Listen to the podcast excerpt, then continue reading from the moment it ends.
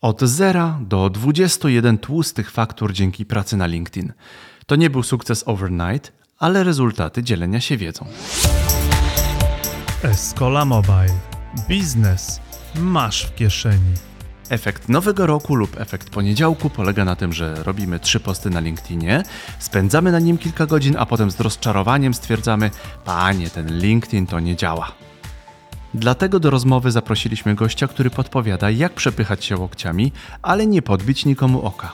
Opowie krok po kroku, co zrobić, aby zdobyć klientów. Tutaj wspomni o minimum czterech działaniach. Jak dodawać do znajomych, żeby nie być sprzedawcą z memów i jak zwiększać szanse sprzedażowe. Trzeci sposób jest chyba najważniejszy, bo pozwala zrozumieć różne komitety w różnych firmach. Co robić na LinkedInie? Czego unikać i w ogóle po co jest ten LinkedIn? Odpowiedź będzie już w pierwszych minutach tej rozmowy. Jeśli chcesz stworzyć aplikację mobilną lub webową, wejdź na naszą stronę escola.pl. Na górze ekranu kliknij Wyceń projekt i daj nam znać, jak możemy Ci pomóc. Zapraszamy do wysłuchania kolejnego odcinka podcastu Escola Mobile. Słuchajcie, parę dni temu, no parę tygodni temu wrzuciłem na LinkedIna pytanie, kto zna naprawdę dobrze się na rozwoju na tej platformie, ponieważ doszedłem do wniosku, że faktycznie w tej chwili LinkedIn dla Escoli, dla wielu biznesów, które sprzedają B2B, to jest główne narzędzie, główne źródło e, leadów, główne źródło klientów, jak i rozmowy po prostu z naszymi prospektami, jak to się ładnie mówi. No i e, zapytałem, kto może mi trochę poopowiadać, mi i słuchaczom Escola Mobile na temat tego, jak to robić dobrze, poopowiadać trochę o narzędziach. No i tam strasznie często padało imię, nazwisko Tomasz Kolasiński. Cześć Tomku. Cześć Krzysztof, miło mi. To jak to się stało, że ciebie tam tak dużo było? Nie wiem, to musiał być jakiś przypadek. Okej, okay. to powiedz mi, czym się zajmujesz, że temu przypadkowi e, pomogłeś? E, ja pomagam firmom pozyskiwać klientów B2B, czyli albo szkole handlowców w kontekście E, podkręcenia ich umiejętności, badania potrzeb poprzez finalizację i follow-upy, albo też właściciele firm, CEO kontraktują mnie, żeby poukładać pewne procesy sprzedażowe właśnie w firmie, w kontekście tego, że być może pewne luki e, w tych procesach są i dzięki temu powiększam sprzedaż do tych firm. I jeżeli chodzi o LinkedIna, to mam taką zawsze zasadę, że jeżeli cokolwiek polecam e, swoim klientom, czy pracuję z firmą jako taką i układamy proces, czy z pojedynczym handlowcem, na przykład w treningu on the job na prawdziwych klientach, no to najpierw muszę to sprawdzić. Więc pięć lat temu stwierdziłem, że trzeba by sprawdzić narzędzie, jakim jest LinkedIn w kontekście pozyskiwania klientów B2B. No i przez te pięć lat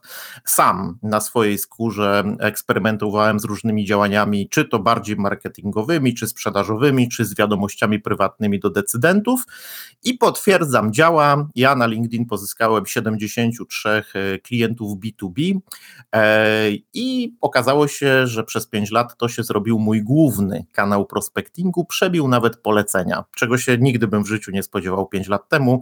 Od 2021 roku więcej klientów klientów pozyskuje nowych z LinkedIna niż z poleceń. Okej, okay. czyli e, dwie rzeczy ważne powiedziałeś, że testujesz na sobie, to jest bardzo fajne, to uwiarygadnia każdego, kto szkoli innych, że nie tylko opowiada, ale też sam wdraża i mówisz, że dla ciebie jest to skuteczne medium pozyskania klientów. Chciałem się zapytać, czy, czy LinkedIn to już jest taki ostateczna platforma, bo oczywiście co chwilę jak się pójdzie na jakieś szkolenie marketingowe, to mówią tu TikTok, parę lat temu był Snapchat, tak, Facebook ciągle dla mnie potrafi, e, że tak powiem, przyprowadzić klienta. Patrzyłem, że ty na Facebooku jesteś mało aktywny, tak? Więc e, no, oczywiście pojawiają się, prawda, jakieś e, co, co, jakiś czas nowe wynalazki, mówię, wspomniany TikTok, czy nawet Instagram dużo osób wykorzystuje, nawet do bardzo biznesowego takiego może kierowania imidżu. Ja sobie nie wyobrażam, jak ktoś miałby zamówić usługę software'ową przez Instagram, ale może się mylę. Więc pytanie, jak oceniasz pozostałe platformy, czy z nich korzystasz, czy po prostu skupisz się na LinkedInie i dlaczego? Ja uważam, że LinkedIn nie jest ostateczną platformą. Uważam, że powinniśmy być tam, gdzie są nasi klienci. Mówię tu o B2B, B2C, e, natomiast mnie w B2B interesują decydenci. Czyli jeżeli powiedzmy jesteś właścicielem firmy i twoi handlowcy działają aktywnie, no i właśnie zastanawiają się na której platformie, no to wiadomo, że jest pewien komitet zakupowy w większości jednak w B2B i jest powiedzmy w korporacji zakupowiec, jest dyrektor finansowy, jest też pewnie właściciel, do którego jednak ostatecznie dochodzą być może tylko dwie oferty, więc ja chcę mieć e, dostęp do ostatecznego decydenta i chcę być w kontakcie z nim, czyli że nie będę musiał wykonywać cold calla, tylko że być może moje publikacje przyciągną jego uwagę, zaprosi on mnie do sieci albo ja jego i w pewnym momencie będziemy mogli porozmawiać, jaki to jest ten najlepszy moment. Zaczynamy działać w social selling, czyli zaczynam z nim rozmawiać w wiadomości prywatnej, żeby prędzej czy później przerzucić go na spotkanie online, czy też po prostu umówić się na niezobowiązującą kawę, a może właśnie zobowiązującą kawę. Niemniej jednak uważam, że e, spokojnie pewne firmy mogą się zastanowić, myślę teraz już w moich klientach, czy prócz LinkedIna powinniśmy też być na przykład na Instagramie? Być może tak, bo nie wiem, ktoś, kto produkuje pojemniki na kremy, na przykład dla firmy, nie wiem, Dr. Irena Eris czy jakiejkolwiek innej w Rossmanie.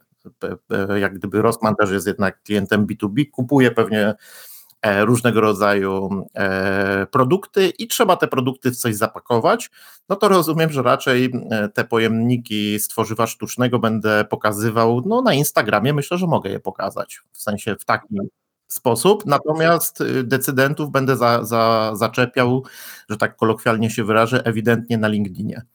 Dlaczego jestem w większości na LinkedInie, mimo że większość trenerów powie w ogóle sprzedaży, że trzeba iść szeroko, bo y, ten kanał mi po prostu działa. Ja mam konwersję z zapytań, y, czy, czy ja wyszedłem z inicjatywą, czy klient na LinkedInie z 2022 roku 76%. Wygrywam tematów, które przychodzą do mnie na LinkedInie i rzeczywiście przyznam się, że teraz pracuję na tym, żeby efekt był cały czas taki sam, żeby konwersja była jak należy i wzrostowo e, w kontekście pieniądza, czyli zer na fakturze. Natomiast e, zaczynam pracować, żeby coraz mniej czasu poświęcać na LinkedIn. Może niektóre rzeczy nawet zautomatyzuję, zastanawiam się nad tym żeby mieć więcej czasu na YouTube'a, którego trochę zaniedbałem i 2023 rok to u mnie będzie rok YouTube'a. I mało tego zachęcam, żeby też łączyć pewne kanały, czyli jesteś na LinkedInie, super, ale zastanów się teraz, czy nie powinno cię być jako firma na YouTubie, a może tak jak wy, e, Krzychu, zrobiliście jeszcze podcast, w związku z tym tych punktów styku z klientem macie coraz więcej, ale to jest z pozycji jak gdyby właściciela firmy. Natomiast z pozycji pojedynczego handlowca myślę, że LinkedIn jest najbardziej efektywnym kanałem, patrząc po swoich wynikach, ale i po wynikach y, handlowców, których przekonałem niejednokrotnie do LinkedIna i okazuje się, że nawet w takich branżach ciężkich jak nie wiem, mechanika, sprężone powietrze, czy sprzedaż e, robotów ułatwiających e, produkcję, ci handlowcy na LinkedInie mają bardzo dobre efekty. Wiem, bo jestem w ciągłym kontakcie i też trochę się uczę poprzez to, na przykład, jakie oni rzeczy wykonują na LinkedIna, i ja przerzucam to teraz na swoją branżę i sprawdzam, czy u mnie będzie działało. No bo tak jak powiedziałeś, ja uważam, że nauka u osób dorosłych powinna się dziać poprzez doświadczenia. Nie wyobrażam sobie, żeby jakiś trener sprzedaży uczył czegoś, czego sam na co dzień nie robi. Okej, okay, no tak, faktycznie trzeba dostosować platformę do tego, co sprzedajemy i w jaki sposób to da się zaprezentować. Wspomniałeś o pakowaniu na kremy, ale od razu pomyślałem o, o mojej żonie, która sprzedaje obrazy i plakaty. No to faktycznie może LinkedIn, może byłby dobrym kierunkiem, może nie, natomiast no dla niej główne źródło klientów to jest Instagram, bardzo skutecznie ten kanał rozwija i, i faktycznie piszą tam ludzie i kupują te te rzeczy, więc to, to, to, to widać, że to jest dobre, bo to jest bardzo wizualne, tak? Ludzie lubią sobie tam obrazki przeglądać, czy krótkie wideo, jak ona tworzy e, tą sztukę i tu faktycznie jest kanał i B2B, i B2C, bo to kupują e, firmy. Okej, okay. E, ale, ale faktycznie Mówisz, że dla cie, u ciebie działa, ale zwróciłeś też uwagę na YouTube'a. YouTube też mnie bardzo ciekawi. Nawet nasz podcast jest słuchany też na YouTubie, znaczy oglądany. E, bo w sumie można powiedzieć, że YouTube został takim, tak, tak zmonopolizował właściwie treści wideo, tak? To znaczy, no jest tam to Vimeo dla profesjonalnych mm, zastosowań, natomiast widzę, że mm, ludzie też, którzy zaczynali od podcastów, nie wiem, Szymon Negacz, e, e, czy, czy, czy, czy Michał Sadowski zawsze był blisko wideo, ale też bardzo widać ten kanał YouTube'owy odkręcają, nawet jeżeli tą treścią na tym YouTubie jest de facto rozmowa, którą można słuchać biegając i jest na Spotify'u, to jednak niektórzy lubią pooglądać buzię. Przejdźmy do mięsa, e, czyli do, do treści tego, jak to robić krok po kroku. Okay? Czyli jestem, może spróbujmy to taką personę znaleźć, ponieważ głównie słuchają nas e, zarządy firm czy e, szefowie marketingu i ta marka istnieje na LinkedInie. Tak, niech będzie to marka Escola, tak, czyli ona istnieje, ma tam parę kliknięć, paręnaście pod każdym postem, wrzuca różne treści, które produkuje firma, firma, ale jednak to, co widzimy, to to, że jednak najlepiej to działa, ten, jak ty to nazywasz, social selling, czyli żeby osoby e, e, nie tylko z zarządu, ale specjaliści różni publikowali treści. Pytanie, jak teraz ten szef marketingu może zadziałać, zmotywować te osoby, czym zachęcić, żeby zaczęły, zaczęły publikować? Jak to robić? Jak zacząć krok po kroku? Przede wszystkim uważam, że przykład idzie z góry. No może nie sam CEO, chociaż ty też przecież publikujesz, bo wiem, e, ale e, dyrektor handlowy czy dyrektor marketingu powinien podkasać rękawy i sam zdecydować się, że będzie publikował i mhm. przynieść lida handlowcowi najnormalniej mm -hmm, w świecie. Okej, okay, okay, ja okay. No to jak, jak nas słuchacie, zarządy, pewnie CEO to bardzo często są na tych LinkedInach, bo wiedzą, że to działa, ale e, słuchajcie, jak słuchacie nas, to dajcie przykład, przynieście lida. Ja dzisiaj się już pochwaliłem poza anteną, że dwa lidy dzisiaj bardzo dobre e, przyniosłem, jeden z Norwegii, drugi z Polski, więc że tak powiem, mój dzień sprzedażowy został wykonany o godzinie 9 rano, bardzo się cieszę. Gratulacje. Natomiast dajcie, dajcie przykład i pokażcie, że właśnie nie tylko opublikowaliście, ale przynieśliście jakiś konkretny prospekt dla swojego handlowca. Super. Mhm. Mów dalej. I moim zdaniem to jest najlepsze, co może być. Jak byłem dyrektorem handlowym, to dokładnie ileś czasu poświęcałem na to, żeby podziałać w terenie i oczywiście oddawałem dokładnie swoje lidy. I LinkedIn jest tym samym jakby narzędziem. Mało tego, często jeżeli w opisie masz dyrektor marketingu, dyrektor handlowy, myślę, że może być łatwiej e, nawiązać po prostu relacje niż jak, jak nie wiem, doradca techniczno-handlowy. E, jeżeli już trochę jak gdyby przykład będzie szedł z góry, to dosyć ważną kwestią jest dołączać e, temat LinkedIna do na przykład zebrań handlowych czy zebrań marketingu i ustalić pewną strategię działania, czyli gdzie ten LinkedIn e, ma być w naszym procesie sprzedaży jako firmy i przede wszystkim, czy działamy tylko i wyłącznie kontem firmowym, czy być może właśnie e, zachęcamy pracowników do tego, żeby rozbujali swoje konta indywidualne i moim zdaniem Wcale nie muszą wszyscy działać na LinkedInie. Być może trzeba się zastanowić, kto ma największe predyspozycje, taką lekkość w pisaniu i te, to, że po prostu dla niego działanie na LinkedInie może być zwykłą frajdą. Bo ja się przyznam bez bicia, że w pierwszym roku ja dałem sobie rok czasu na to, żeby. No może to też jest dosyć ważna wiadomość, że nieraz słyszę, że handlowcy po trzech tygodniach się zniechęcają. No jeżeli chcę sprzedać coś za 100 tysięcy, to być może 3 tygodnie to jest za mało, bo właściwie nikt mnie nie widział jeszcze na LinkedInie. W związku z tym dajmy sobie chociaż 3-4 miesiące. Ja dałem sobie rok i wiedziałem, że przy okazji będzie to zabawa, gdzie się nauczę trochę marketingu, trochę tego, jak będę pisał, a to mi się prędzej czy później przyda w pisaniu ofert oraz we wszelkich innych aktywnościach. Więc zastanowiłbym się, e, prócz dawania przykładu, kto tak naprawdę jest najbliższy tego, że szybko sobie na LinkedInie poradzi i ja być może jako dyrektor marketingu czy handlowy tylko wystarczy, że go lekko wesprę i dokładnie e, będę chwalił jego sukcesy. No na początku, jeżeli nie będzie pozyskanych faktur, to być może chociaż na zebraniu pokażę, ile to jest wyświetleń, czyli ilu potencjalnych klientów e, z danego posta dowiedziało się też o naszej firmie.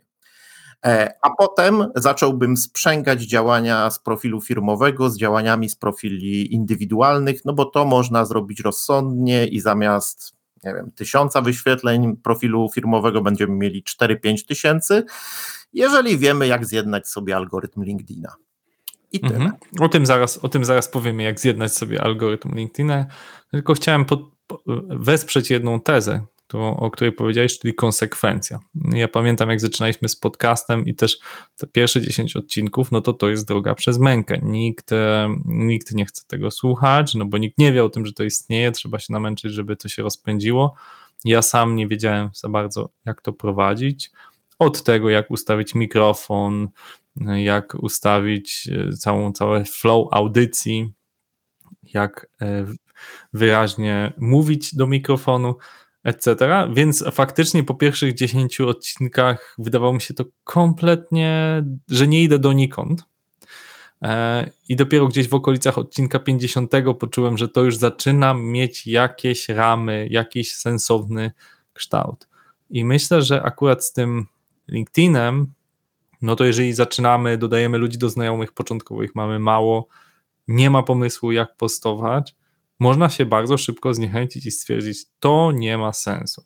I dopiero po dłuższym czasie e, zauważyłem, że często te osoby, które, z którymi rozmawialiśmy na LinkedInie rok wcześniej, potrafią do nas wrócić z tematem, czy aplikacji, czy programu do zrobienia, czy, czy innych prac IT. I to było takie, wow, to trwało aż rok.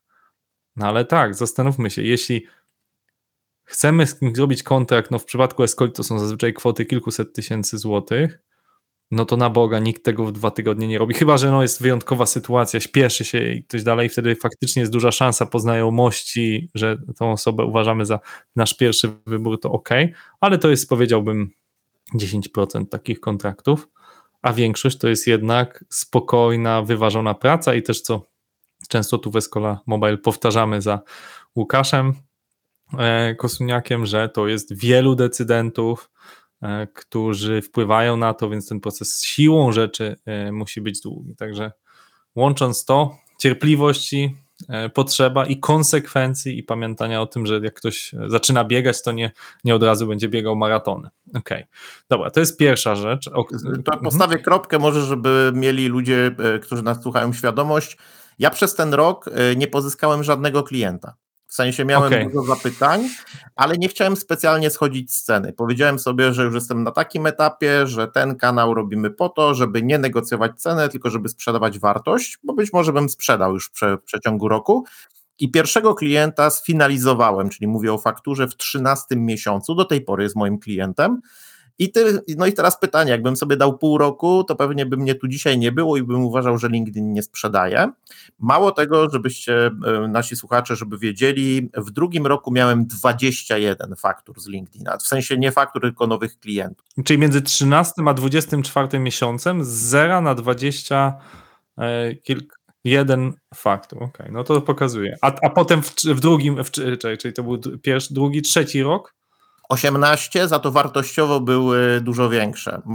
E, jak gdyby, e, e, ja nieraz robię taki post. Generalnie w tamtym roku zdobyłem 16 klientów nowych z LinkedIna, natomiast obrót z tych nowych klientów, nie, zysk, przepraszam, to było 34% zysku całego mojego rocznego.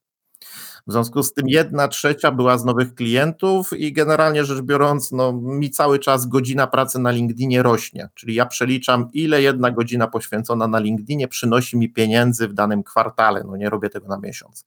Ale zmierzam do tego, że e, jestem pewien, że tych 21 klientów w drugim roku działania to nie były efekty tego drugiego roku, tylko pierwszego. Czyli dokładnie tak jak ty, Krzychu, mówisz, że niektórzy obserwowali, czytali, nie mieli budżetów. Mało tego, jedno zapytanie z pierwszego roku, gdzie powiedziałem, że po prostu rabatów nie daje, nagle w następnym roku uzbierali budżet i się zakontraktowaliśmy. Natomiast cały czas trzeba trzymać to, co ty powiedziałeś, rękę na pulsie, czyli pokazywać się na tym LinkedInie, dzielić się wiedzą, wchodzić w interakcje w wiadomościach prywatnych, nawet jak to jest nie teraz, nie teraz, panie Tomku, nie nie mamy takiego budżetu, kończyć to elegancko i co jakiś czas, za pół roku znowu się przypomnieć, być może w innej konwencji, nie to, że chcę sprzedać, ale ciekawy artykuł z waszej branży, e, panie Krzysztofie, znalazłem, podsyłam, może będzie coś wartościowego, czyli nie piszę o mnie, tylko piszę o Was. E, mało tego, ja od razu zachęcam, że ja nie pracuję nad wszystkimi klientami. Ja na przykład mam tak, że mam e, od jakiegoś czasu ośmiu klientów. Wyrażę się tak nieelegancko, może, ale to są tłuste koty. Czyli ja wiem, że to nie oni do mnie raczej przyjdą, chociaż ja im się pokazuję, mam tych decydentów w sieci, tylko muszę wyjść z inicjatywą, bo tam potencjał sprzedażowy jest potężny, czyli jak zdobędę jednego takiego klienta, no to może to być 20% mojego obrotu, w roku. No to tutaj trochę inaczej się działa, to może potem później e, porozmawiamy i uważam, że e, z punktu widzenia handlowego dokładnie tak się powinno działać na LinkedInie. Pewne rzeczy robimy, żeby naciągnąć ruch na siebie. Ok, być może to będą mali, średni klienci w kontekście faktury, ale na celownik wezmę jednak kilku, kilkunastu klientów, w zależności ile mamy czasu i dokładnie nad nimi pracuję, bo wiem, że tam potencjał jest potężny, być może jest konkurencja, czas trochę się przepchnąć łokciami i wejść między tą konkurencję i klienta i być może nie to, że wyrzucić konkurencję, ale niech i konkurencja im coś sprzeda, ja mhm. No. Okej, okay, to teraz porozmawiajmy tak technicznie, jak nas słucha dyrektor marketingu i jest e, już w procesie, że chcą wejść w tego LinkedIna e, bardziej, bo myślę, że wszyscy są na tym LinkedInie, tylko właśnie nie każdy postuje, nie każdy tak. prospektuje, choćby w wiadomościach prywatnych. Więc powiedz, co jest Twoim sekretnym sosem, który sprawia, że tych kilkunastu klientów rocznie nowych pozyskujesz? Co robisz krok po kroku? Już mówię. Dnia. E, teraz nie, nie, nie powiem, co robię w tym roku, bo, bo byście się za włosy złapali, których ja już nie mam. E, natomiast co robiłem w pierwszych dwóch latach, bo to mi przyniosło klientów. Ja wie, są cztery działania, które pod kątem handlowym trzeba robić na LinkedInie, chociaż znam wyjątki, że niektórzy handlowcy skupiają się tylko na dwóch i też mają efekty, ale być może mniejsze. Czyli pierwsze działanie to systematycznie zapraszam do swojej sieci co tydzień. Ja właśnie poniedziałek dzisiaj mam biurowy, więc przed naszym spotkaniem 15 minut poświęciłem na to, żeby rozesłać nowe zaproszenia, czyli wybieram sobie decydentów dla mnie. Mogą to być dyrektorzy handlowi, CEO, ale nieraz mogę wejść w ogóle w zarząd, czyli na przykład jakichś innych decydentów i na przykład w jeden poniedziałek zapraszam CEO, za tydzień w poniedziałek będę dyrektorów handlowych w moim przypadku zapraszał, za trzy tygodnie dyrektorów marketingów, za cztery handlowców. Czyli też nie, nie patrzcie na to, e, drodzy handlowcy czy menadżerowie, że macie wejść z C-levelu. Być może nieraz od dołu też będę wchodził, bo nieraz ten e, z, wys- z wysokiego poziomu decydent nie przyjmie ode mnie zaproszenia, nie znaczy, że nie wyślę drugi raz. I to jest 15 minut w tygodniu, zawsze. Mało tego, w pierwszym tygodniu wiedziałem, że mądrzejsi ode mnie mnie nauczyli, że masz być widoczny na LinkedInie co tydzień, bez względu na to, kiedy wejdzie Twój decydent, jakiś Twój post ma mu się pokazać. Więc trzeba postować optymalnie, to jest dwa razy w tygodniu. Ja sobie wyznaczyłem wtorek i czwartek. Tak było mi wygodnie, że po prostu rano wrzucam post 15 minut jestem na LinkedInie, przez ten czas odpowiadam na inne wiadomości, wiadomości, bardziej posty z mojego walla, bo być może pewne tematy są interesujące. Nieraz się pokazywałem pod postami konkurencji, potrafiłem z innymi trenerami sprzedaży dyskutować, ale zawsze kulturalnie. Tam ma być merytoryka. I po 15 minutach odpowiadałem na pierwsze komentarze pod moim postem, jeśli były. I, I, potem wrzucałem swój komentarz. To jest dosyć ważne. Wiem, że wiele osób tego nie robi z niezrozumiałych dla mnie względów. Nie tam, żeby podbić zasięgi, tylko żeby przekierować do innego źródła.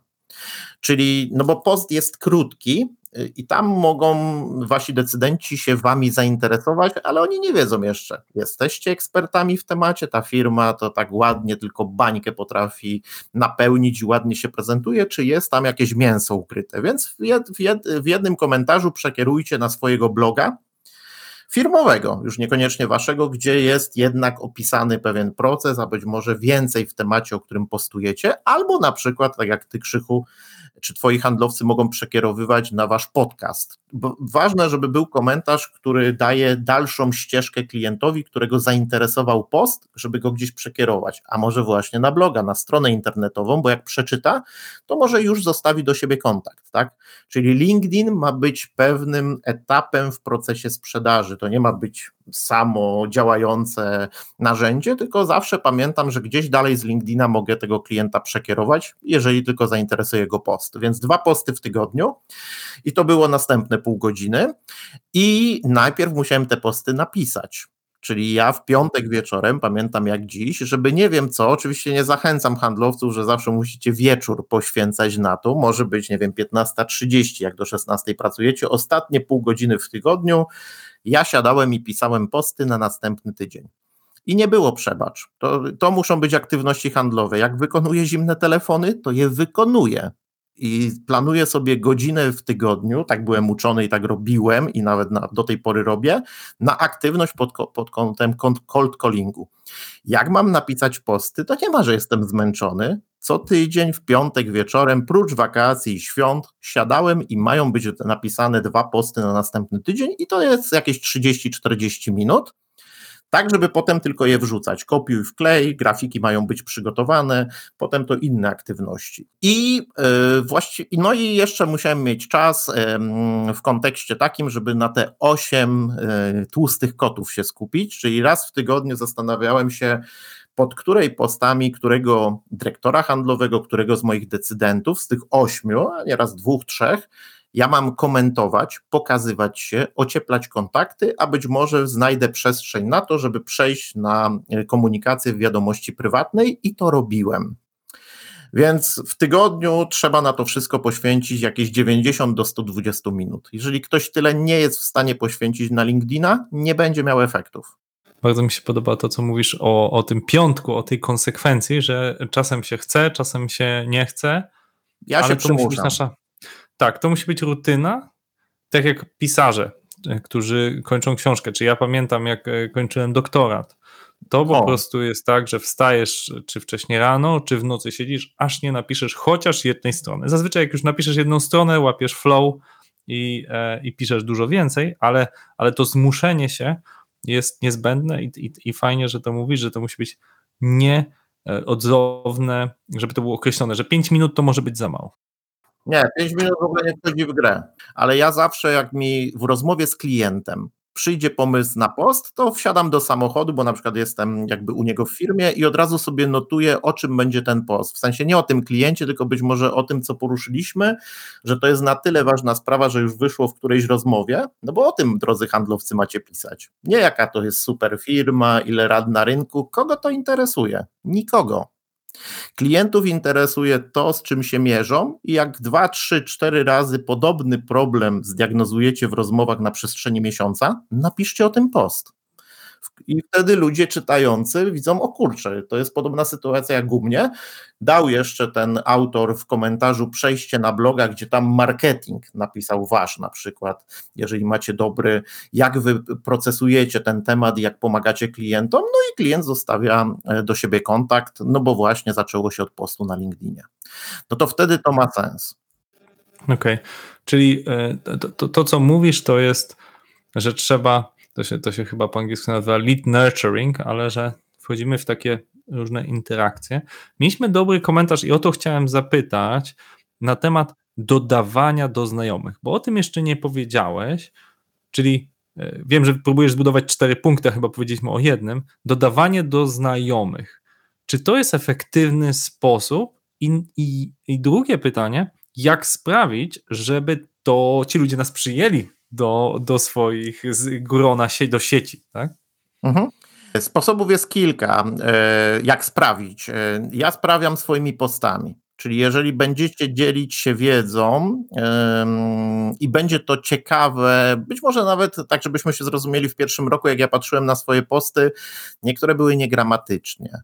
Niektóre wideo, jak nagrywałem i mam to na pamiątkę, to teraz łapę się za głowę, bez napisów. Nieważne. Ważne, że byłem w działaniu i że już coś robiłem, w trakcie nauczę się tego, a ludzie raczej doceniali jednak mięcho, merytorykę. Jeżeli nawet napiszesz coś niezgrabnie w poście, no to ważne jest, co napisałeś, ważne, że ten post daje im wartość i jeżeli wyślesz potem za 2, 3, 4 tygodnie do takiego decydenta wiadomość i kilka e, jego, twoich postów mu się pojawiło, czyli ma jakieś opinie na twój temat, to po prostu cię przyjmie do kontaktów. Natomiast zawsze wypada napisać, tak uważam, tak robiłem przez pierwsze trzy lata, wiadomość. Czyli ja pisałem, panie Krzysztofie, będzie mi bardzo miło, jeśli przyjmie mnie pan do swojej sieci kontaktów. Pozdrawiam go Tomek Kolasiński. Nie pisałem, co sprzedaję, czym się zajmuję, bo od tego jest mój profil.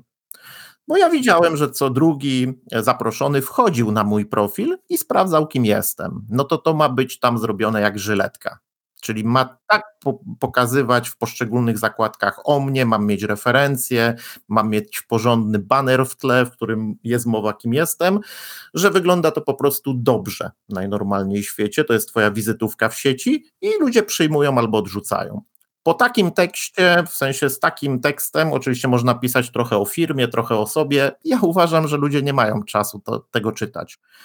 Albo ci się pojawił gdzieś na wallu i jest krótka wiadomość, on sobie wejdzie, zdiagnozuje twój profil on jest zadbany najnormalniej w świecie i widać, że jesteś profesjonalistą i przyjmie, albo odrzuci. Przy takiej notacji ja, ja przeliczyłem, w pierwszym roku miałem 87% przyjmowalności zaproszeń. Przyjmowalność. Nie. Trochę jedno zdanie muszę naprostować, bo powiedziałeś, ludzie mnie przyjmują dzięki moim postom. Ale to jest tak naprawdę, powiedziałeś w drugiej części, że ludzie cię przyjmują też dlatego, że masz zadbany profil, tak? I czyli tak, rozumiem, banner, imię, nazwisko, e, e, zdjęcie, tak? Ja, ja zawsze się dziwię, to, to powiem, przepraszam, jako moje wtrącenie, bo, bo, bo, bo, bo dostaję dużo zaproszeń, bądź co bądź jako prezes całkiem e, udanej firmy Escola, że ludzie wysyłają mi zaproszenia bez zdjęcia. No wiadomo, większość z nich nie kojarzy, mam około 10 tysięcy osób w tej sieci. No, jakby wiesz, nie musisz mieć swojego zdjęcia studyjnego. Możesz tam wstawić awatar, możesz tam wstawić logo firmy, jeżeli ci się nie chce, bo na przykład dbasz o bardzo swój image. Ale jakby brak zdjęcia mi się kojarzy z czymś takim, że ktoś nawet nie wykonał tego elementarnego wysiłku. Okej, okay. jeśli jesteś Warrenem Buffettem, to nie musisz już dawać zdjęcia. To nie prawda. ma sprawy. E, już nie musisz. Aczkolwiek Ale... wiem, że on właśnie ma. Ale wiesz co mówię o Warrenie Buffetcie, bo wejdźcie na jego stronę, Hershire, e, i tam i ta strona jest biała i są tylko napisy. Ona jest zrobiona tak, żeby pokazać, że my już nic nie musimy. Znaczy ona jest informatywna, no bo to jest fundusz i tak dalej, ale jest ona absolutnie taka plain. Nic, mówi, my już niczego nie musimy, jeśli chodzi o estetykę, jeśli chodzi o, o rzecz. Ale wróćmy do, do rozmowy o LinkedInie, czyli e, Wiadomości prywatne 87% skuteczności to jest fenomenalny wynik, ale powiedz y, jakby do kogo kierujesz, do kogo kierujesz te zaproszenia, bo domyślam się to też jest istotne, że nie, nie, nie idziesz by do byle kogo, tylko chcesz tam swoich klientów, tak, zapraszać, więc jak ich selekcjonujesz? Trzeba ustalić, y, no właśnie, kto jest w waszym komitecie zakupowym. No bo wyobrażam sobie, że jeżeli ktoś celuje w duże korporacje, to być może tam będzie nawet 5-7 osób, różne stanowiska, w mnie, a możecie i w duże korporacje, i w średnie firmy, i w małe, gdzie bezpośrednio właściciel tylko i wyłącznie decyduje. W związku z tym trzeba sobie nazwać, jakie stanowiska mnie interesują. Czyli mogę powiedzieć na przykładzie, niech będzie mojego jednego z klientów. Sprzedaję roboty, e, żeby zautomatyzować produkcję, czyli jego decydentem jest kierownik utrzymania ruchu na produkcji, dyrektor produkcji w większych zakładach. Być może nie, nieraz w komisji zakupowej będzie jakiś specjalista czy brygadzista. Tych jest raczej mniej, z tego co wiem od klienta na LinkedInie, ale warto też tak filtrować. No i w zarządzie pewnie sam właściciel i dyrektor finansowy, bo prędzej czy Mniej przy zakupie robota, który kosztuje kilkanaście tysięcy euro sztuka, taki najprostszy, jednak finansowy się włączy. Czyli mam już pięciu decydentów, jak szybko wymieniłem. I teraz w jeden poniedziałek ja zapraszam kierowników utrzymania ruchu, w drugi w, w miesiącu dyrektorów yy, produkcji, w trzeci CEO firm które produkują, czyli ja muszę najpierw tą pracę domową odrobić i sprawdzić, kto tak naprawdę ma produkcję z tych e, właścicieli. Nie, nie, nie rzucam zaproszeń w ciemno, bo ja też nie zapraszam firm, które sprzedają jako e-commerce. Ja mogę im poukładać proces, ale się na tym tak dobrze nie znam, jak firmy powiedzmy techniczne, gdzie mają jednak handlowców, którzy muszą pojechać do klienta i wytłumaczyć, bo inaczej się nie da. Pewne rzeczy są w głowach jakby decydentów, trzeba to przełożyć, zastanowić się, jak to wszystko wtedy poukładać. No i wracając do tych robotów, no to w czwarty poniedziałek na przykład zaczynam zapraszać dyrektorów finansowych z tych firm. A jak widzę, że pod moimi postami uaktywniła się firma X, i to jest ewidentnie mój potencjalny klient, ma produkcję, ewidentnie mógłbym ją zautomatyzować, poczytałem trochę o ich stronie internetowej, wszedłem jakby w ich social media i widzę z postów, bo da się to sprawdzić, że ileś osób z tej firmy czytało ten mój post i to się dzieje na przykład notorycznie od dwóch miesięcy, to ja wbijam wtedy nazwę tej firmy w przeglądarkę i zaczynam zapraszać wszystkich decydentów, których tam mam i próbuję jakby wyjść z inicjatywą konkretnie do tej firmy. Ja potrafiłem wtedy pisać takie wiadomości jak Panie Krzysztofie, zauważyłem od kilku tygodni, że moje posty odwiedza średnio 7 do 10 Pana pracowników, prawdopodobnie je czytacie, zastanawiam się, czy coś nie jest na rzeczy i nie powinniśmy porozmawiać. Pozdrawiam, Tomek Kolasiński. Mhm. Okej. Okay. Tak po prostu. Czyli, Okej, okay. to, jest, to, to jest super wskazówka. Bardzo zapamiętam to zdanie z tego podcastu. Zastanów się, kto jest w komitecie zakupowym Twojego produktu.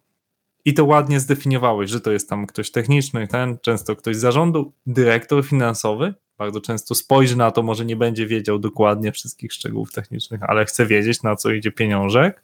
Tak? Więc jeśli będzie kojarzył nas, to mamy różne efekty psychologiczne nazwane, że kojarzenie zawsze pomaga w procesie e, zakupu.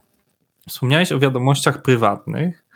E, czy lepiej jest właśnie, wspomniałeś, że na, robisz je na, przy przedstawieniu się, przy intro, nawet często nie opisując dokładnie siebie. Ja robię inaczej, e, akurat tylko za granicą wysyłam zaproszenie i tam piszę krótko, czym się zajmuję, dosłownie w trzech linijkach Cześć, jestem prezesem takiej takiej firmy. Najczęściej zapraszam z określonych organizacji, gdzie jesteśmy razem, bo jestem w takiej organizacji, gdzie jest 16 tysięcy osób, więc mam kogo zapraszać i też piszę, czym zajmuję się w tej organizacji, tak? Bo akurat jestem tam w komitecie związanym z edukacją. I, i, I widzę, że reakcja jest bardzo duża, bo dużo ludzi mi pisze rekomendacje, że skoro jestem w komitecie w edukacji, to daje mi te rekomendacje na edukację, czyli coś jednak czytają, a nie zawsze chce im się wejść na profil. Dla mnie, dla mnie działa akurat taki sposób, a nie lubię jak ktoś nie, nie pisze czym się zajmuje, tylko pisze cześć, hello i to, i to właściwie tyle. I zauważyłem, że ludzie też odpisują, tak powiedzmy je, połowa, jedna trzecia odpisują zazwyczaj jakąś krótką wiadomość, cześć, e, miło Cię poznać, a niektórzy chcą się poznać bliżej i są tacy, którzy lubią właśnie nawet umówić się na jak, od razu na rozmowę, żeby się poznać, o co chodzi, czemu mi wysłałeś. Niektórzy bardzo poważnie traktują ten kanał, że skoro już ich zaprosiłem do sieci, to znaczy, że już powinniśmy naprawdę coś więcej o sobie e, wiedzieć.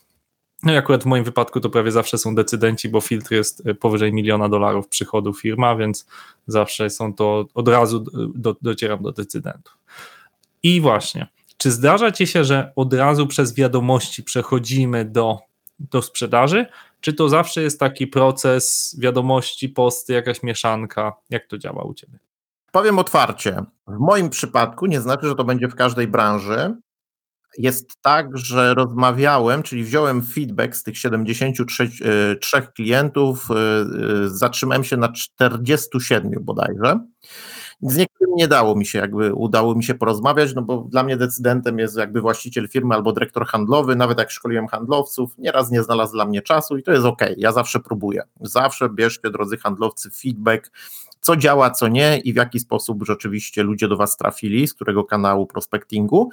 I z tych 47 znamienita większość, bo chyba 30 kilku powiedziało, że e, content, publikacje zrobiły swoje i, że tak powiem, w momencie, czy oni do mnie się zgłosili w pewnym momencie, że chcą porozmawiać o poukładaniu procesu sprzedaży w ich dziale handlowym, albo ja się wyszedłem z inicjatywą w wiadomościach, ale oni byli już na tyle dojrzali, że chcieli rozmawiać, wiedzieli kim jestem, kojarzyli od czego jestem, bo ten content, te moje publikacje jakby były dla nich wartościowe. Ale to było trzydziestu kilku, natomiast cała pozostała grupa to ja wyszedłem e, z mm, jakby z działaniem i tam już informacja nie zawsze była taka, że content jakby zrobił robotę. E, Natomiast nieraz to były wiadomości takie, że właśnie odpisali po pierwszej wiadomości, zaczęliśmy rozmawiać, niektórzy byli bardziej humorystyczni, weszliśmy w to i nie wiem, przy 12, 15 E, ja wprost pytałem, czy możemy się mówić na jakąś niezobowiązującą kawę. Pytanie, kiedy pan będzie w swoim przypadku, Krzysztof, to chyba wy jesteście z Wrocławia, no to jakby szukaliśmy terminu, czy tam z Warszawy, bo tam większość korporacji ma e, jakby swoje siedziby. Ale ja, to może też e, fajny tip dla handlowców, nie wiem czy to robią czy nie, robię co 3-4 miesiące tak zwane kampanie. Ja to tak sobie nazywam, kampania, czyli nie to, że rzucam, że jestem Tomek Kolasiński, szkole, absolutnie podniosę waszą, wasz obrót o 17,23%, jak jednego z mojego klientów i teraz będę rzucał takie akwizycyjne wiadomości. Nie.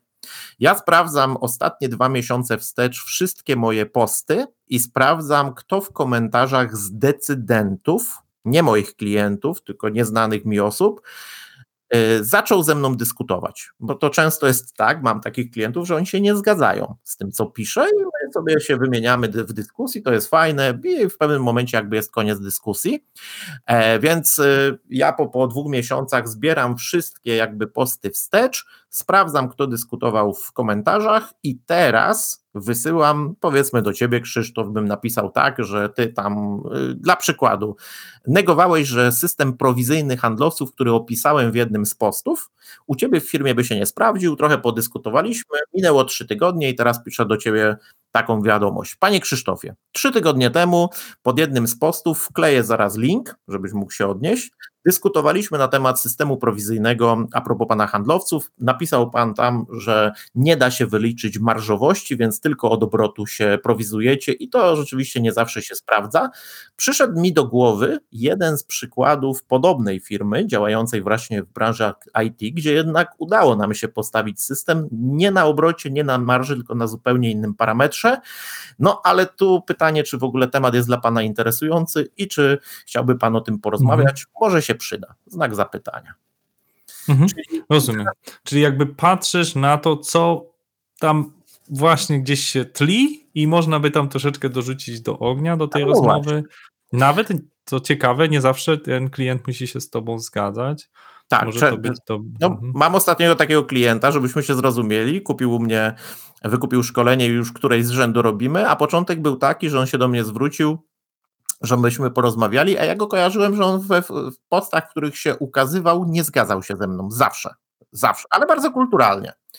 No i jak do niego zadzwoniłem, to na końcu spytałem, panie Mariuszu, jak to się stało, że jednak z kimś, z kim się pan nie zgadza sprzedażowo, chce, żeby ten ktoś szkolił pana handlowców. No i teraz najlepsze cytuję, a widzi pan, bo ja bym chciał, żeby moi handlowcy umieli tak dyskutować z klientem, tak przekonywać, jak pan przekonywał mnie w tych komentarzach. Czyli jemu zależało, żebym tego nauczył, nie? E, więc też informacja, wszystko co napiszecie, e, drodzy użytkownicy LinkedIna w komentarzach, też jest czytane. I nieraz, nieraz komentarze zadecydują bardziej o tym, czy chce klient z wami rozmawiać, niż być może sam post, a kwestia jaka sytuacja. A wracając do, tego, do tej sytuacji, gdzie po, pokazywałem, jaką wiadomość o systemie prowizyjnym bym do ciebie napisał, no to ostatnio w listopadzie miałem taką kampanię 16 takich klientów potencjalnych y, wyjąłem z moich spod komentarzy pod moimi postami. Do wszystkich wysłałem, niestety to jest czasochłonne, inną wiadomość bo tu już nie ma kopiuj wklej. Ja myślę, zastanawiam się, niektórych odrzucam, bo nie wiem, co napisać. To jest ciężka robota, żebyśmy się zrozumieli. Z trzy godziny pisałem to wszystko i szukałem. Tak uczciwie wam mówię. Jeszcze raz to powtórzmy. Kilkanaście, 15 wiadomości, trzy tak, godziny. Czyli to 3 jest... godziny pisania. Zaraz powiem, ile faktur, mhm. żebyśmy się mhm. zrozumieli. Tak? No bo to okay. na Czyli to jest 15 minut na jedną wiadomość, tak? Jedną wiadomość. Nie mówimy o konwersacji, mówimy jedna wiadomość 15 minut. No w ogóle, okay, żeby super. ją zastanowić się, jak to napisać, napisać, mhm. kopiuj, wklej, no bo okay. I ile, ile z tego się, że tak powiem, ile mówisz faktur? no zgadnij. Nie wiem, dwie. Trzy faktury, mhm. o ośmiu odpowiedziało. Tak, żebyś, no mhm. może to jest cenne. Ja potem nie cisnę tych, co nie odpowiedzieli. Wchodzę tylko w, w, dialog z tymi, co rozmawiają. Jeden nadal się zastanawia i oddala te, klient temat. No, listopada to stosunkowo niedługo. Myślę, że muszę jak gdyby wymyślić inny sposób oddziaływania, ale cały czas jestem w kontakcie. Natomiast dwie faktury, od razu powiem, słabe. W sensie jednorazowe strzały, no trudno, to jest takie trochę szukanie, ale jedna faktura, no jak odpukać, jak dobrze się to skończy, to może się okazać, że to będzie ten klient na 20% w 2023 roku całego mojego obrotu. I ja, żebyśmy się zrozumieli, takie kampanie robię dwie, trzy w roku, w zależności, czy mam potrzebę. No bo jak inne działania mi dobrze działają, to zejdą klienci ale jeżeli mam potrzebę, to robię. I była taka jedna kampania, z każdej mam przynajmniej jedną fakturę, ale była jedna, gdzie ileś godzin poświęciłem i nie miałem żadnej zwrotki. No ale taka jest sprzedaż, to mówię uczciwie. Mhm. Czyli matematyka, ale chcę powtórzyć to, co wskazałeś, że e, powiedziałeś 47 zapytań, 30 kilka z komentarzy, a kilkanaście zupełnie z konwersacji, czyli Tak. Prawda jak zawsze leży po środku i ta metoda i inna może być równie efektywna, jeżeli jest dobrze e, stosowana. Ok, e, czyli, czyli nie możemy czekać, aż klient sam się odezwie, tylko musimy trochę się my odzywać, trochę dyskusją. Nie ma tutaj e, jakiejś takiej złote, złotej metody.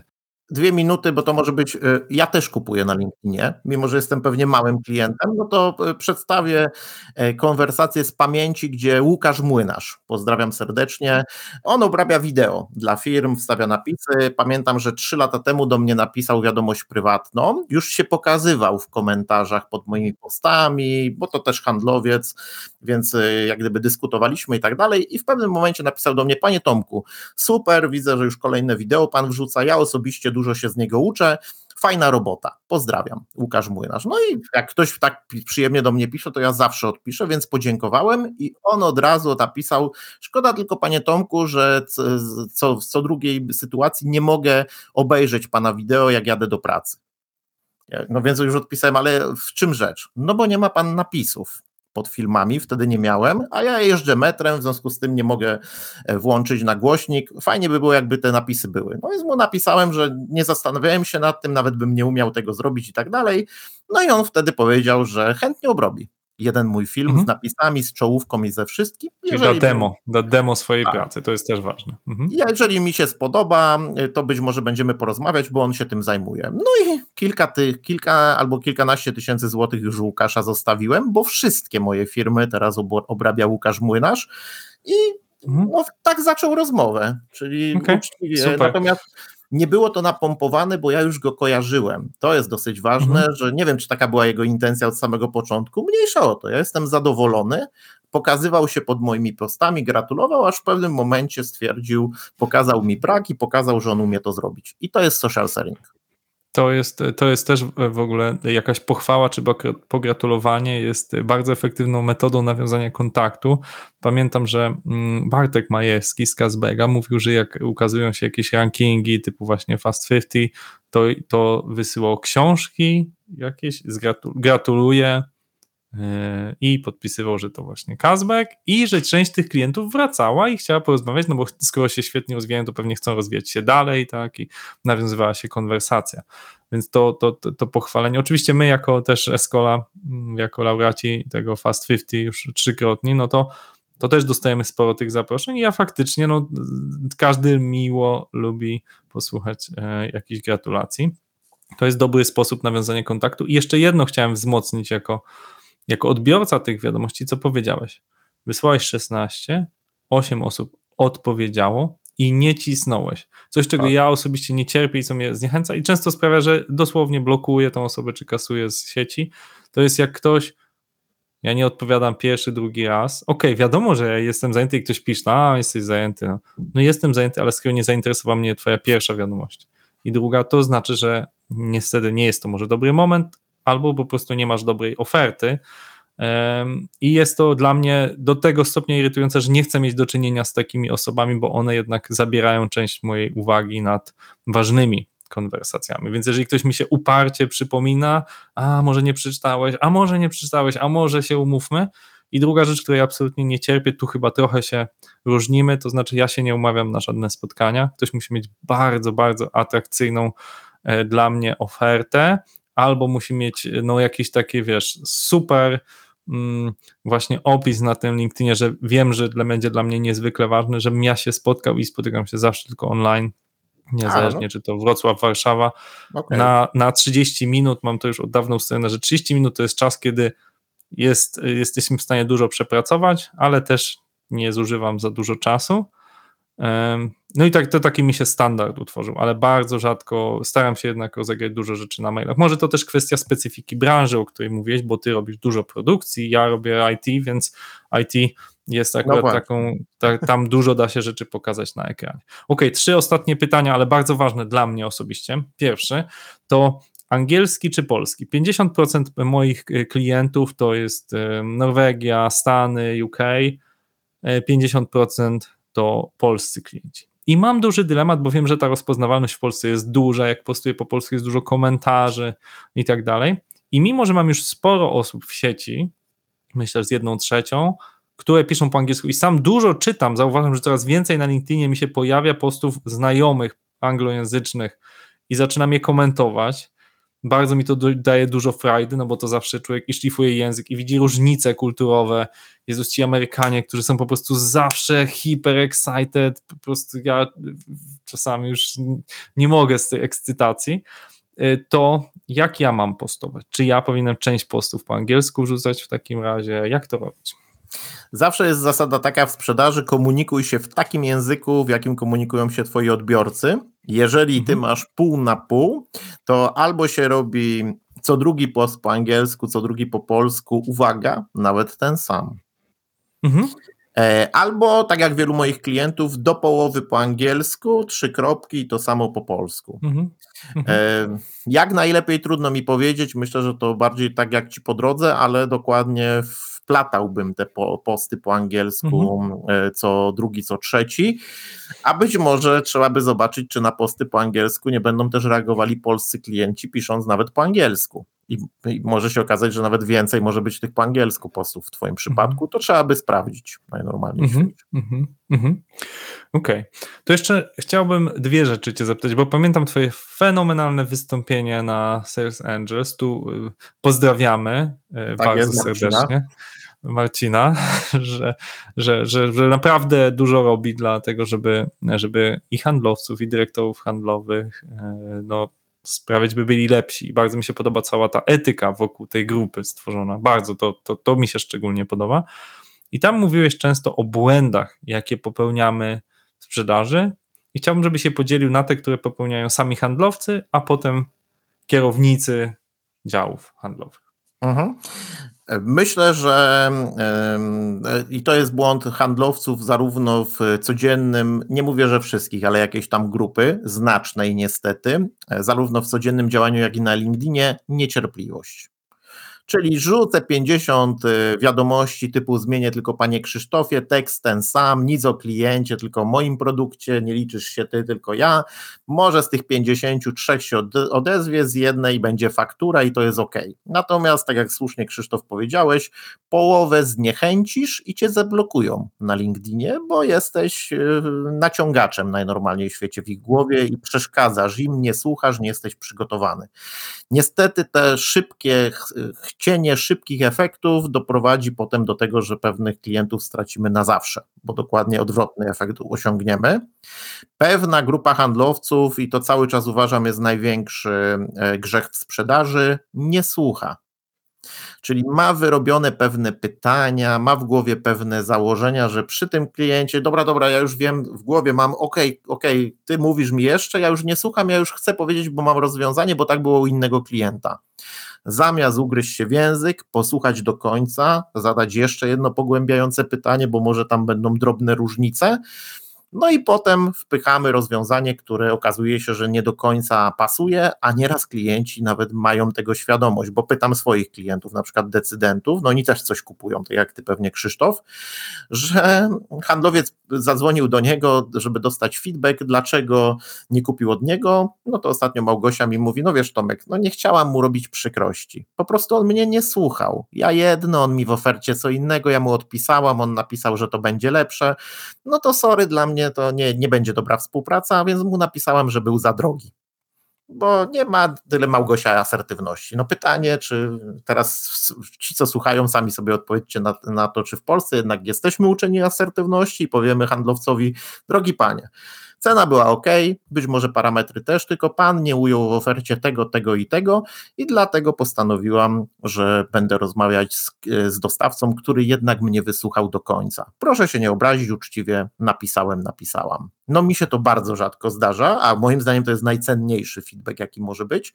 Natomiast wracając do tematu, nie słuchamy, wciskamy, robimy po łebkach, bo być może KPI, targety i trzeba dociągnąć do końca. I ostatni, trzeci grzech handlowców, y, to nie jest często wymieniane ze, ze strony klientów, ale moim zdaniem, jak przyglądam się handlowcom, nie działają jak maszyna Co mam na myśli? Ja na przykład takiego maszynowego działania zostałem uczony, czyli dokładnie. Kiedy wykonuję cold call? Jeden, jeżeli mam je wykonywać, jeżeli to jest w zakresie moich działań prospectingowych oczywiście, to jeden, nie wiem, przedział półtora godzinny w tygodniu ja na sztywno mam zrobić i nie ma czegoś takiego, że dobra, wpadło mi fajne spotkanie z klientem, to teraz wyrzucam te cold call, bo teraz będzie coś z tego spotkania. I tak trzy tygodnie pod rząd, a za miesiąc mamy kłopot, bo nie mamy nowych spotkań, bo przez trzy tygodnie wpadały inne spotkania. Tak samo z LinkedInem. Jak ma być półtorej godziny w tygodniu, to ja na sztywno mam poniedziałek, wtorek, czwartek i piątek wieczorem. I to jest maszynowe działanie. Jak wykonuję oferty, no to być może nie, no to, to jest zawsze dylemat. Niektórzy klienci mówią, że w ciągu godziny, dwóch ma pójść oferta do klienta. Super, to jest bardzo ważne, ale z drugiej strony, jeżeli w ciągu godziny i wtedy mi wejdzie jako handlowcowi na moje aktywności cold callingowe, sorry, ja wyślę później ofertę.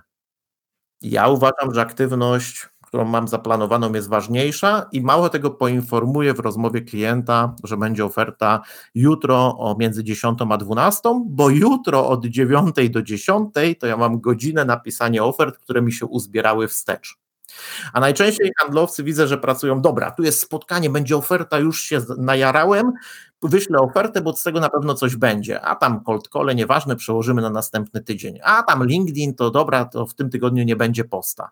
No i to jest y, generalnie jeden wielki bałagan. Aktywności muszą być sztywno ustalone godzinowo w danym dniu, oczywiście no, z głową, nie, nie znaczy, że wszystko rzucę i tak dalej.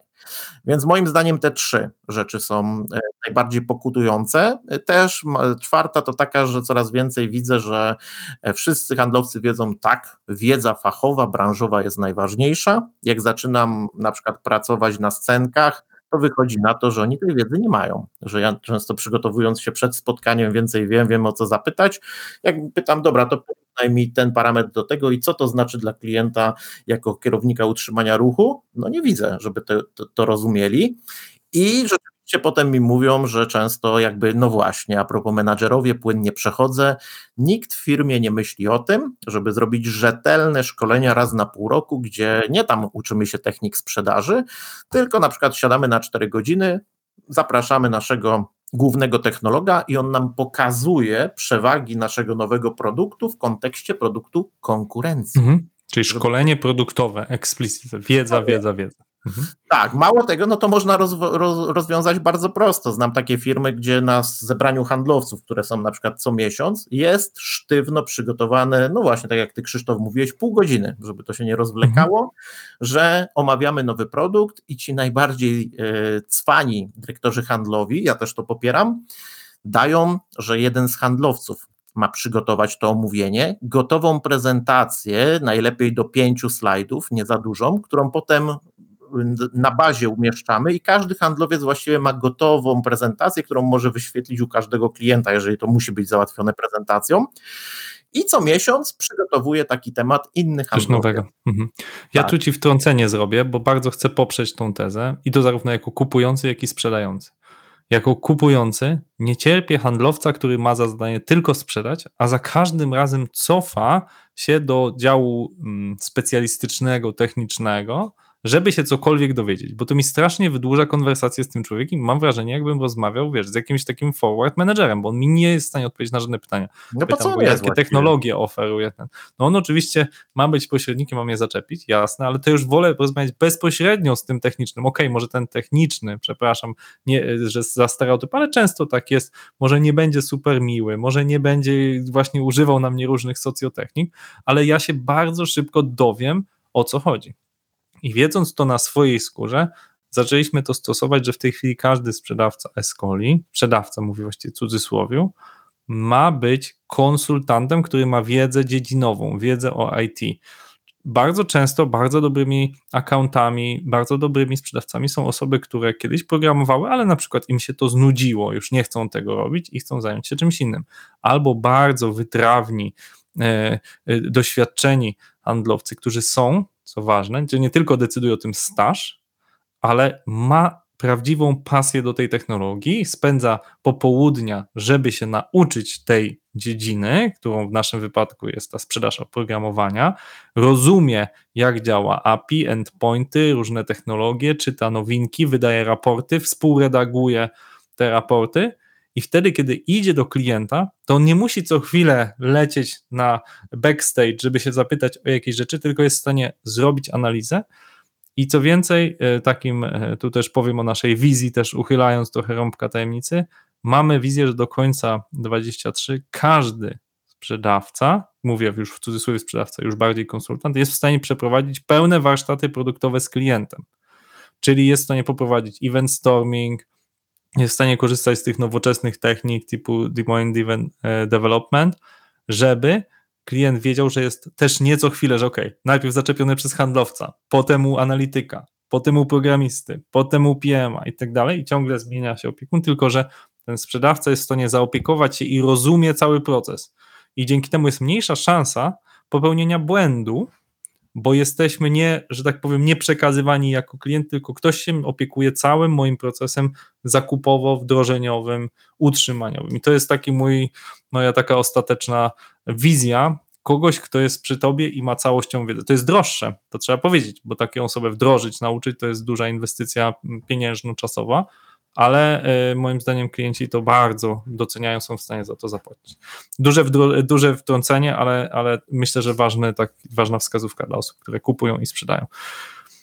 Grzechy, grzechy kierowników. I grzech kierowników, y, taki naj, na, największy, znaczy y, ja widzę, że wielu menadżerów wymaga, a nie daje na przykład przestrzeni na to, żeby się wspólnie uczyć, chociażby na tych zebraniach handlowych, gdzie pół godziny robimy właśnie przedstawienie nowego produktu i niech ktoś przygotuje, my będziemy jakby klientem, który będzie zadawał trudne pytania i ćwiczymy na sucho. Tak jak piłkarze, no przecież zanim wyjdą na główny mecz, gdzie e, trzeba się zetrzeć z przeciwnikiem, to mają treningi. To te treningi nie trzeba robić jako, jako szkolenia ze mną, może se strzelam samobuja, bo w sumie bym zachęcał, ale można robić we własnym zakresie i tak samo można e, wziąć jedną sytuację trudną z ostatniego miesiąca, którą miał handlowiec Tomek, na przykład on ją przedstawi, powie, kurde, nie wiedziałem, co klientowi odpowiedzieć, jak to rozgrywać takie sytuacje i wspólnie się zastanawiamy, jak to rozegrać. Mało tego, może to ujmiemy w jakiś proces i w ogóle w proces sprzedaży e, to wejdzie, że pewne błędy do tej pory robiliśmy i nie wzięliśmy pod uwagę tych sytuacji, które jednak się co jakiś czas zdarzają. Czyli handl, jakby dyrektorzy handlowi, menadżerowie nie uczą, nie motywują ludzi do uczenia się wspólnego, no najlepiej, żeby sami dawali przykład, powiem otwarcie. E, I dokładnie, a zmierzam e, być może do tego też Krzysztof, co powiedziałeś, e, najczęściej jak ja jestem wzywany do firm, to zabawa jest taka, że handlowcy są nauczeni już złych nawyków albo w ogóle ich nie mają. Czyli jakie jest wdrożenie handlowca, kiedy go przyjmujemy do pracy? Czy my przez trzy miesiące poświęcamy mu taki czas i właśnie czy ktoś nad tym czuwa, że no dobra, powiedzmy, że ja sprzedawałem kiedyś korytka kablowe, to mój pan prezes powiedział, panie Kolasiński, teraz na trzy tygodnie jedzie pan do Niemiec z naszą ekipą montażową i będzie pan je skręcał, żeby potem pan wiedział, czy kierownik na budowie to panu nawija makaron na uszy i rzeczywiście nie da się tego tak skręcić i tak zamontować, czy nie.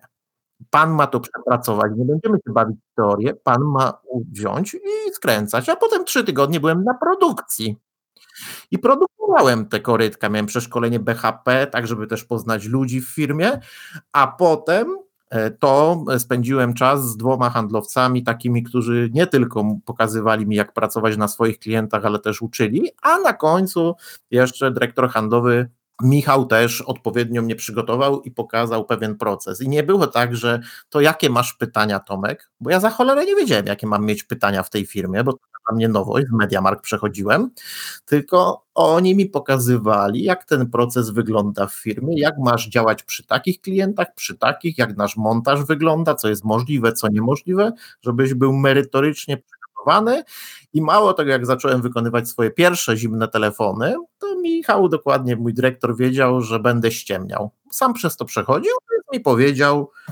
czwartek, 10, 11, co tydzień masz mieć listę i godzinę wykonywać telefony, idziesz do przeszklonej salki, konferencyjnej i co jakiś czas ja tam do ciebie wejdę i przy mnie będziesz je wykonywał. A mało tego, najfajniejsze było to, bo ja tak to za cholerę bym się nie zdopingował. Bym robił wszystko, żeby tylko nie wykonywać cold calli, bo tego nienawidziłem, przyznaję się bez bicia.